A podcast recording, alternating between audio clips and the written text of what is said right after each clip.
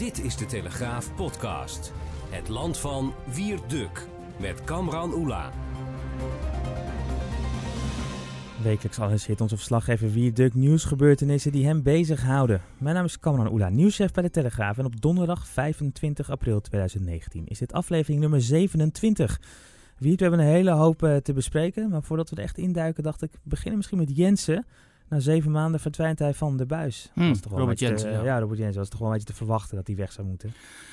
Nou ja, dat weet ik niet, want ehm, hij zelf althans dacht dat hij een gat in de markt, eh, markt ging vullen. En ehm, dat deed hij volgens mij ook wel. Hè, met, eh, hij heeft zo'n talkshow waar hij het rechtse geluid, zeg maar niet politiek correcte geluid aan het woord wilde laten. Nou, dat gebeurde ook wel, want hij had, Thierry Baudet had Wilders, dat was toch vrij uniek. Had hij ook Mhm. half miljoen kijkers mee. Maar ehm, ik heb er ook wel een paar keer gezeten, moet ik zeggen, voor de goede orde. Maar goed, uiteindelijk sloeg het toch niet echt aan. Het aantal kijkers, dat liet, dat liet na. Het is natuurlijk, RTL 5 kunnen mensen ook moeilijk vinden natuurlijk. En ja, eh, ik kan me ook wel voorstellen dat eh, die talkshow wel wat beter kan.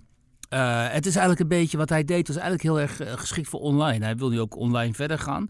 En ik denk dat dat beter werkt dan voor de televisie. Televisie is toch eigenlijk een ander medium. Eh, hè, dit is toch meer. hij, hij benadert het eigenlijk als een soort podcast, moet ik Ja. zeggen. Eh, dus, ehm, maar goed, ik blijf wel bij het standpunt dat er, ehm, bij mijn standpunt ook, dat er een grote behoefte is in Nederland aan een talkshow die niet zo politiek correct is als de gebruikelijke talkshows. Dus dan hebben we het over Pauw, Jinek en ook eh, Niemand op zondag. Eh, er moet gewoon veel steviger, eh, niet, niet zozeer rechtsgeluid, maar gewoon, niet, eh, gewoon een veel journalistieker, niet politiek correct geluid moet er gewoon op de Hm. buis. zitten. Maar goed, dat de NPO begint er niet aan, die durven dat niet. Dus moeten wij het maar doen in deze podcast. Hè? Ja, en wij blijven het doen. En Jensen blijft volgens mij ook eh, online doen. Hè? Hij gaat met de podcast. Ja, die gaat door, heeft online, hij, ja, eh, heeft hij in ieder geval eh, geroepen. Nou, vandaag staan er twee thema's centraal: het christendom en conservatisme. We gaan het hebben over die conservatief-christelijke denkers in ons land en de toekomst daarvan. Over paasterreur in Sri Lanka. En over een aards-conservatieve Amerikaanse haatprediker die ons land wil bezoeken. Maar eerst eh, Sri Lanka. Zondagochtend blazen gelijktijdig op verschillende plaatsen in Sri Lanka zelfmoordterroristen zich op. Doelwit zijn bezoekers van de paasmis in kerken en mensen die aan het paasontbijt zitten in luxe hotels. Wiert, je hebt je vooral verbaasd over de reacties eh, daarna, hè? Ja, en ik was niet de enige natuurlijk. Maar eh, wat je ziet in de reacties, dat was toch wel heel opvallend en heel merkwaardig eigenlijk ook. Kijk, deze aanslag komt niet lang na die aanslag in Christchurch door die neonazi. Ehm, eh, en daar werd heel heftig op gereageerd. En met name ook werd er een appel gedaan op, op blanke mensen, zeg maar. Om deze aanslag op moslims eh, ernstig te veroordelen, mee te lopen in protestmarsen. eh, te zeggen dat je hier toch wel afstand van wil nemen, ook, ook al heb je er niks mee te maken. Omdat dit, hè, en dat we ook moeten oppassen met islamofobie en zo. Want dit, die hele aanslag daar van die, van die gek, die werd geframed als een soort, ehm, eh, laten we zeggen, als een soort, bijna als een soort collectieve aanslag van blanke rechtse reactionaire mannen op de islamitische gemeenschap. Nou, dat, dat klopt natuurlijk niet, maar op die manier werd wel een beetje gepresenteerd. En je zag ook hè, prominenten als eh, Barack Obama en Hillary Clinton en zo, die spraken ook onmiddellijk hun medeleven uit met de moslim community enzovoort Mhm. enzovoort. Goed, dat is prima hoor. De, en, hè, er waren, de, de, de vlaggen werden half, gingen half stok, meen ik, en, en dat soort dingen. Nou ja, dat is prima natuurlijk. Maar in dit geval, hè, waar het een aanslag, gerichte aanslag betrof op eh, christenen, bleek het opeens voor heel veel mensen heel moeilijk om A te zeggen dat dit christenen waren, de slachtoffers. Hè. Er- Ze kwamen met hele rare termen zoals Easter worshippers en Ja, zo. dat was Dus- onder andere Obama, hè? die twitterde daarover. En dat waren opeens inderdaad Easter worshippers. Ja, dus Obama, Hillary Clinton ook. En nog een aantal prominenten binnen in de Dem- Democratische Partij. Dus die hebben waarschijnlijk onderling afgesproken. We gaan niet die term Mhm. Christians gebruiken of Catholics, eh, wat ze dan zouden doen omdat de democraten op dit moment ernstig eh, eh, in de weer zijn. Hè, en beïnvloed worden ook door die identiteitspolitiek daar. En met een aantal eh, moslimdames ook in het congres vertegenwoordigd zijn. Die zich ernstig, erg roeren hè, over Palestina en over allerlei andere zaken. Dus, en zij zien het toch een beetje als de hoop van die partij. Dus ik denk dat ze ten alle tijde wilden voorkomen dat hier de term Christians of Muslims. ehm, eh, eh, of Islamist terror- terrorism of zo zou vallen. En vervolgens duurde het dus ellenlang voordat eh, duidelijk eh, werd en voordat ook eh, erkend werd dat het om een ehm, islamistische aanslag ging. Nu was dit aanvankelijk ook niet duidelijk, hè? ook omdat op Sri Lanka en ook net zoals in uh, Myanmar ook wel uh, boeddhistisch extremisme voorkomt dat zich richt tegen de, eh, de, islamitische gemeenschap. Dus dat was nog niet zo raar. Dus mensen die daarover tekeer gingen op social media, die waren, zaten ook fout, want zo vreemd was dat niet. Maar goed, uiteindelijk um, zie je toch in de reacties veel minder de ophef en ook het morele appel aan anderen, bijvoorbeeld in dit geval de moslimgemeenschap, om te zeggen, joh, dit wordt toch vanuit jullie naam gepleegd, deze aanslag, hè, vanuit jullie religie. Dus misschien moeten jullie daar ook iets over zeggen. Net zoals dat we van blanke uh, rechtse mensen verwachten. Hè, noem maar een wierduk. Ik ben niet rechts, maar goed, van mij wordt dat altijd verwacht. Om iets te zeggen over die gek daar in Nieuw-Zeeland. En ja, ik vind dat... Um... Zet zich eigenlijk gelijke monniken, gelijke kap. Ja, gelijke mon ja, precies. Gelijke monniken, gelijke kap. En hier wordt zo... Kijk, het probleem is dat hier zo overduidelijk met twee maten wordt gemeten. Dat heel veel mensen zich gaan afvragen... Ja, eh, is dit een complot of zo? Wat zit hierachter? Waarom hè, moet het op deze manier gaan? Uh, en dat is uh, in mijn beleving uh, heel slecht. Ja. Omdat uh, het alleen maar bij mensen die sowieso al geneigd zijn... Hè, door het intensieve internetgebruik tegenwoordig... om in samenzweringen te, te, te, gaan denken. Omdat die mensen eigenlijk aanjaagt om, of bevestigt in hun wantrouwen ten opzichte van... wat zij dan zien als de gevestigde orde. Ja. En ja, zo langzamerhand moet ik ook wel zeggen hoor, van het is ook wel heel opvallend ja. hoe dat gaat. En um, ook, je hebt het nu over de Democratische Partij, maar ook in Nederland. Hè, nou, binnen een paar uur werd er een waken aangekondigd uh, naar Christchurch, uh, ja. waar de burgemeester bij was en, en ook sprak. En ze bezocht de moskee. Laten we heel veel luisteren wat Halsema toen onder andere zei. Omdat ik uh, solidariteit wilde betuigen met de bevolking van Nieuw-Zeeland en met de islamitische bevolking. En ook wilde laten merken aan de islamitische bevolking wereldwijd, hier in Nederland en in Amsterdam, dat we één zijn. Heeft zij ook gezegd dat ze solidariteit wil betuigen met de christelijke bevolking? Wat is dat eigenlijk? En met de christelijke gemeenschap wereldwijd, dat we één zijn? Ik hoor het niet hoor. Um, en volgens mij ook een ingezonden brief in het Parool, meen ik, uh, waar iemand ook schreef... waar was burgemeester Halsema op zondagmiddag uh, in de Westerkerk... Uh, om ook te steunen bij een paasmis. Ja. om ja. te laten zien van, ik sta ook achter jullie. Ja, en dat gebeurt dus niet. En ik kan wel uitleggen, want heel veel mensen zullen zich afvragen... waarom gebeurt dat dan niet? Nou, Precies. dat is heel simpel omdat het misverstand bestaat nog altijd dat de islamitische gemeenschap een gemeenschap van slachtoffers is. En de christelijke gemeenschap een gemeenschap van daders. Dat is totale onzin, want in beide gemeenschappen heb je slachtoffers en daders. Maar zo is dat uh, geframed. Hè? De christenen die staan voor zeg maar blank uh, kolonialisme, imperialisme, hè? Voor de westerse samenleving, cultuur. Die zogenaamd andere samenlevingen zou overheersen en erop uit zou zijn om uh, andere culturen te onderdrukken. En wij hebben de moslims, zeg maar, de, islamitische gemeenschap, die beschouwen wij dan als uh, slachtoffer van onze van onze uh, manieren van denken en van onze manier van optreden wereldwijd. Het interessante is dat heel veel moslims daar helemaal niks van moeten weten. En terecht ook, want waarom zou je in godsnaam je leven lang doorbrengen als slachtoffer? Dus heel veel moslims die zeggen ook, kap daar eens mee, weet je. En betuig inderdaad gewoon openlijk je solidariteit ook met die christenen. Ja. Want dat is terecht. Die zijn in dit geval nu even de slachtoffer namelijk. En meer dan 300 mensen zijn daar dood. Maar... Want voor de helderheid, ben je het met me eens dat, uh, dat zo'n burgemeester er, uh, ook zo'n moskee op dat moment goed is dat ze dat bezoekt en bij zo'n waken is. Maar dus nu ook het moet doen. Het is niet, je zou kunnen zeggen, nee, uh, nooit, nooit op die manier daar staan. Maar ik zou zeggen, altijd in Kijk, zij is burgemeester voor alle burgers van Amsterdam. En Amsterdam en andere grote steden in Nederland hebben een heel hoog percentage moslims ook. Dus natuurlijk moet je dan hen een hart onder de riem steken als hun gemeenschap getroffen ja. wordt. Ze heeft ook christenen onder haar burgers. Dus hen moet je ook een, een hart onder de riem steken. Alleen de, de, de, zeg maar, het gebrek aan wil om dat te doen.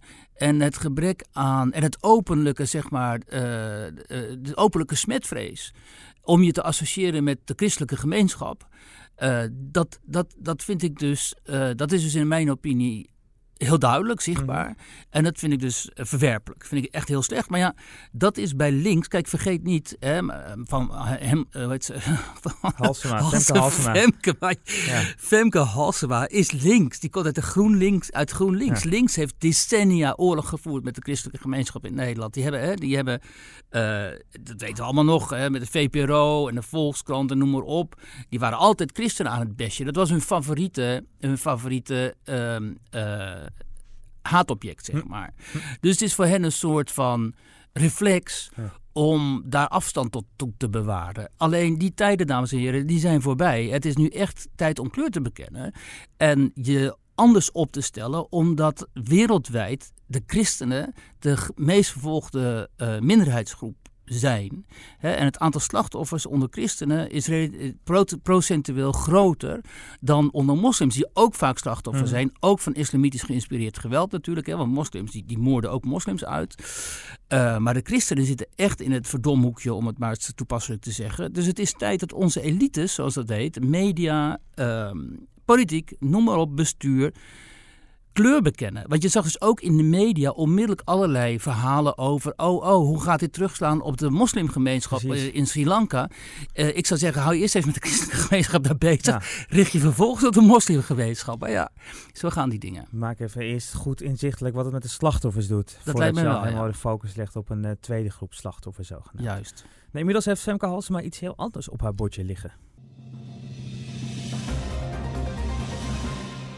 Ja, haat dominee Steven Anderson ligt op het bordje van Femke Halsema, want hij wil Nederland gaan bezoeken. Dat maakte de 37-jarige aardsconservatief Amerikaan bekend via YouTube. Wiert, zullen we eerst even luisteren hoe hij dat uh, bekend maakte? Ja. Hey everybody, Pastor Steven Anderson here from Faith Forward Baptist Church in Tempe, Arizona to tell you about some preaching and soul winning events coming up in the Netherlands, Ireland, and Sweden. But at the end of May, I am going to be personally traveling to Netherlands, Ireland, and Sweden for some soul winning and preaching events. So it's going to be May 23rd.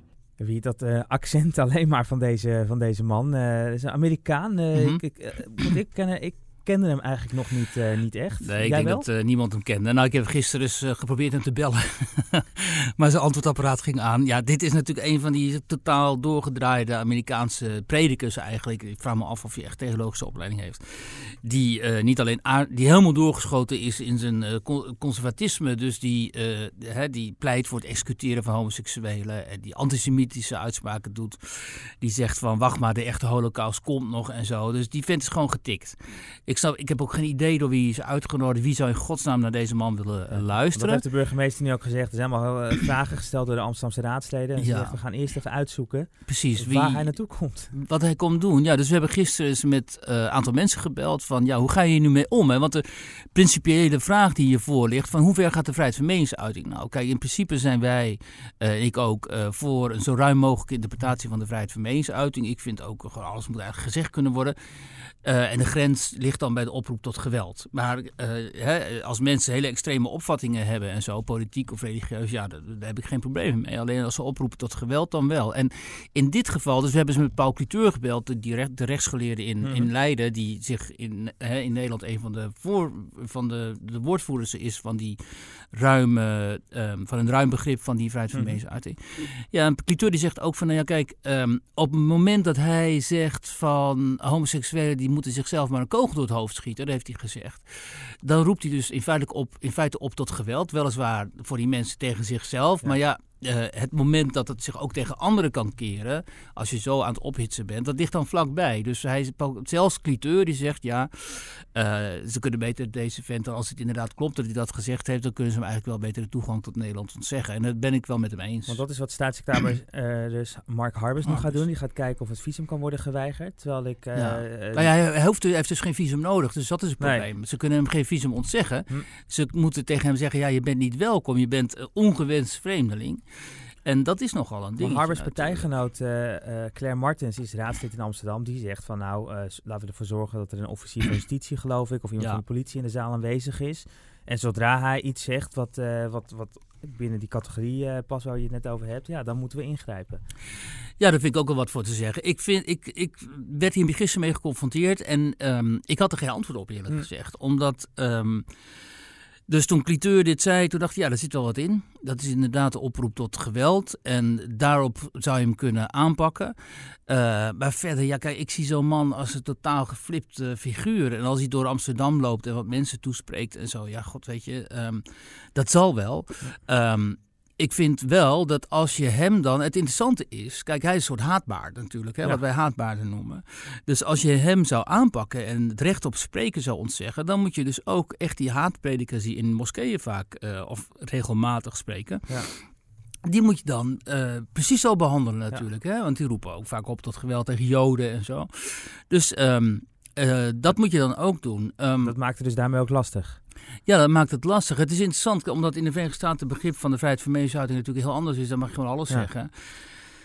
Uh, wat ik een heel interessante situatie vind eigenlijk. Want ik vind wel, mensen moeten ook weer... Kijk, we zijn volwassen mensen. Je moet ook een beetje weerbaar zijn. En je moet je niet door de een of andere debiel de, de direct laten beïnvloeden mm. en zo. En, hè, en dat, dat, dat, dat, dat, dat, dat, dat overgevoelige voor meningen...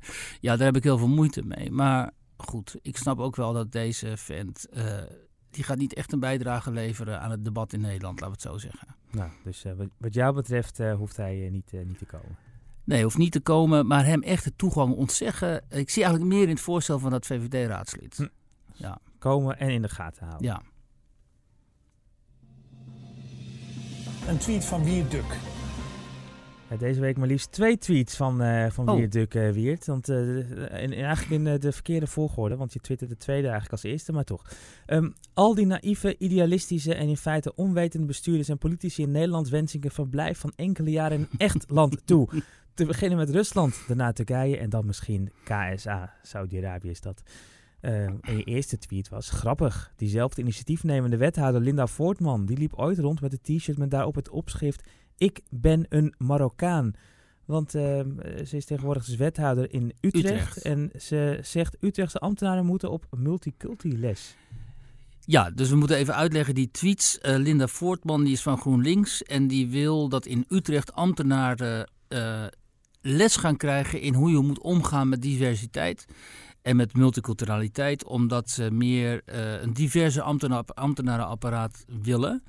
Um, en uh, zij impliceert dat die ambtenaren allerlei vooroordelen hebben. Die zouden moeten worden weggewerkt in die cursussen.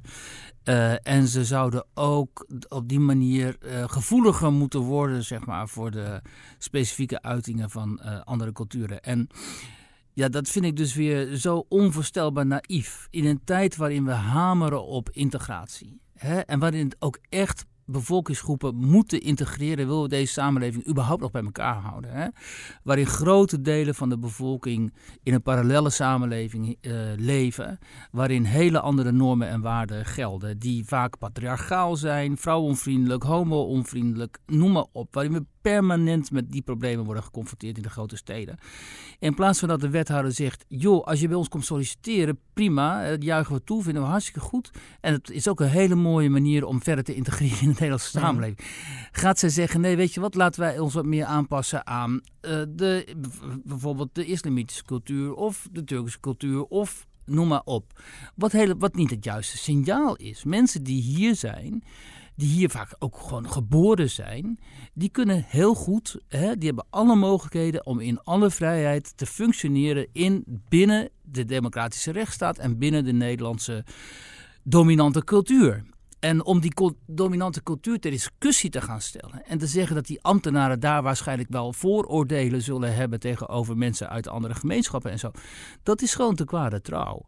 En uh, bovendien is dat, dat is niet alleen te kwade trouw, maar het is in, in die end, dus het, het, gevolg daarvan, is ook slecht, omdat het niet zal leiden tot meer integratie. Het zal leiden tot nog een nog diffusere samenleving. En dat is uh, ongewenst, omdat een samenleving niet kan overleven als je niet samenhang kent en een gedeelde geschiedenis en een gedeeld bewustzijn van wat die samenleving is. En daarin zouden we mensen moeten opleiden. Dat mislukt ook telkens, omdat dat, omdat dat opleiden en die cursussen, die inburgeringscursussen en zo, dat gaat ook allemaal op, op een mm. Jip en Janneke manier en zo. Ook op een hele kinderachtige manier vaak. Maar het is wel zaak, dat moet prioriteit zijn. En niet nog verder door multiculturaliseren. Ehm, kijk, het gaat hier om inclusie, hè? dat wordt continu gezegd, dus inclusiviteit. Uh, nou, dat is inderdaad een, uh, een, een, een daar kan je voor zijn. En ik, ik bedoel, ik, ik vind, dat, vind dat ook belangrijk. Maar dat, ik zie dat als iets van gedrag. Terwijl zij zien het niet als iets als gedrag. Ze zien het als een soort uiterlijk kenmerk. Dat, dat, dat is toch ronduit racistisch? Nou, dat is A, het is racistisch. En bovendien, de inclusiviteit is een farce. Omdat het, het is helemaal niet inclusief. Het gaat over hun opvatting over wat inclusief en divers is. Hè? Het is altijd diversiteit van kleur, ras, mhm. religie en zo. Het is nooit diversiteit van opvattingen. Want zodra jij als ambtenaar uh, zegt van... joh, ik ga voor Thierry Baudet stemmen of voor Geert Wilders... wil je gewoon ik ken tal van ambtenaren die eruit gepest zijn ook, omdat ze dan wat van rechts uh, nou ja, tal van ambtenaren. Ik ken in ieder geval een ambtenaar of drie, vier die mij ge-mailed hebben. En die hebben gezegd, ik zit nu thuis met een burn-out, want ik kon niet langer functioneren op mijn werk, omdat uh, mensen de indruk hadden dat ik voor Forum van Democratie stemde of PVV. En ik werd gewoon collectief daar, uh, of ik kreeg de blank ster, dus ik werd gewoon, mensen die spraken niet meer met mij, of ik werd weggepest. Dat is diversiteit. Als je, als je daar iets aan zou gaan doen. Als Linda Voortman zou zeggen: jongens, wij willen meer meningendiversiteit onder ambtenaren.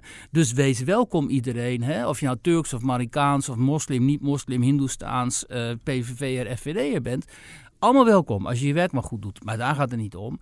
Dat is ook altijd hypocriete aan het hele diversiteits- en multiculti-discours. Het gaat altijd om hun opvatting van hoe de samenleving eruit moet zien. Niet om die opvatting van wat minstens de helft of nog meer van de, van de bevolking uh, ja, is. Selectieve diversiteit. Dat Juist. Is dus eigenlijk helemaal geen. Uh, Op de universiteiten geldt hetzelfde. Hè? Daar heb je ook dat diversiteitsdiscours. Dat geldt dus ook. Nou ja, daar geldt Josse de Voogd, hè, die, die, die, die demograaf, die heeft het daar vaak over. Dat gaat ook niet over diversiteit van meningen, maar diversiteit van dat is wel een heel leuk voorbeeld. Daar heb je dus bijvoorbeeld op de universiteit heb je hele diverse ploeg eh, medewerkers. De een komt uit China, de ander uit uh, Engeland, de derde mm. uit Duitsland. En, en, in, in, in huidskleur ook heel anders, maar ze denken allemaal hetzelfde. Weet je, dat is het grappig. Dus meningendiversiteit is er gewoon nul. Ja, dat, ja. dat ook belangrijk zou zijn. Het enige waar ik trouwens enthousiast over werd, is dat... Uh, uh, dat ze ook een soort multiculti clubje gaan samenstellen die dan de gesprekken voert. Zeker als het om schaal 10 plus functies gaat. Dat schijnt allemaal management uh, functies en zo te zijn. Ja. Als we dat hier bij de Telegraaf zouden invoeren, dan uh, word ik betrokken straks bij het aannemen van iedereen.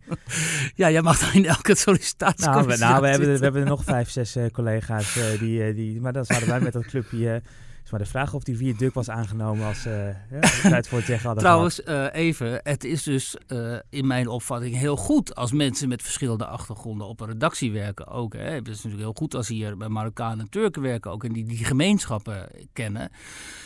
Daar gaat het niet om. Net zo goed als het goed is als hier hè, mensen met andere politieke opvattingen zitten. Maar nogmaals, het gaat erom dat je andere opvattingen ook inclusief meeneemt en accepteert. En dat hebben we op de redactie, hè, zonder om uh, nu alles uh, buiten, Je zit ook linkse mensen op de redactie, heb ik gemerkt. Ja. Nou ja, niet alleen dat, maar qua meningen. Ook mensen die het ja. lang niet met jou eens zijn. Ja, ook waar discussies over ontstaan. Van de week heb ik het, zat ik hier zelf, heb ik het meegemaakt met Sri Lanka, waar we het net over hadden. Hoe gaan we daarmee om dat Amsterdam niet een herdenking is dat meteen volpagina nieuws uh, zoals jij daar misschien wel in stond? Uh, of, of is dat iets waar we wel iets mee moeten, maar op een andere manier? Ja. Mooie discussies. Mooi toch? Ja, zo hoort het ook, want dan maak je elkaar scherper. Ja. Nou, Alleen over Ajax bestaat weinig discussie, geloof ik. Uh, ja, maar dat is ook omdat dat de mooiste, de beste club oh, ja. van, van Nederland, van Europa en misschien wel de wereld is. Juist.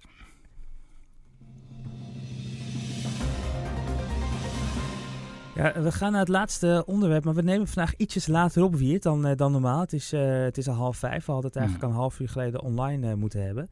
En, en, ja, dit is bijna alsof we in een soort live talkshow zitten. Ja. er komt net ook nieuws binnen. Wie is er ontslagen bij Forum voor Democratie? Nou, er is niemand ontslagen, maar NSC die, die weet te melden dat Henk Otte ook om een andere reden weg moest als penningmeester. Hij zou zichzelf verrijkt hebben. Hij zou 25.000 euro uh, aan zichzelf hebben, hebben overgemaakt. Als salaris? Uh, ja, dat is. Ik heb het verhaal nog niet gelezen. Ik zie alleen maar dat het, dat het net binnen, okay. binnenkomt.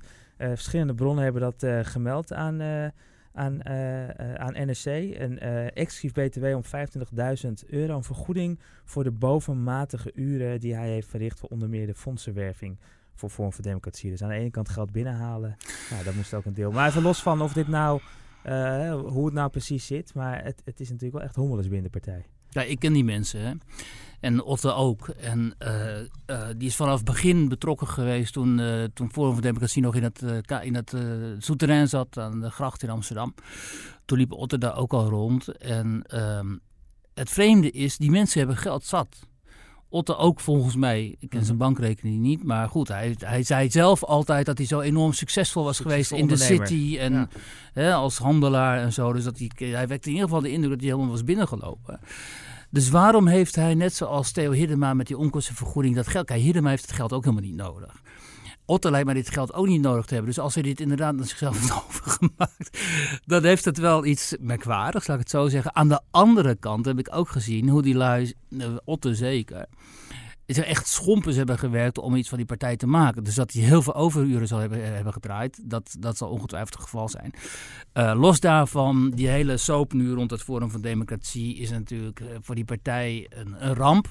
Hè, hier heb je eindelijk een, een, een partij dan die dat gat op rechts um, zou kunnen afdichten op een fatsoenlijke manier ook. Er ligt een heel uh, uh, enorm electoraat, uh, 30 zetels of zo, voor het oprapen.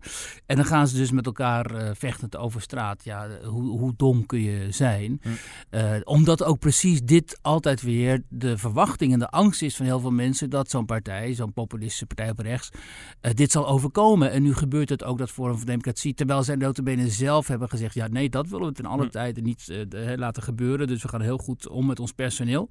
We gaan uh, heel goed screenen op nieuw personeel. We gaan er echt voor zorgen dat we geen avonturiers en querulanten binnenhalen.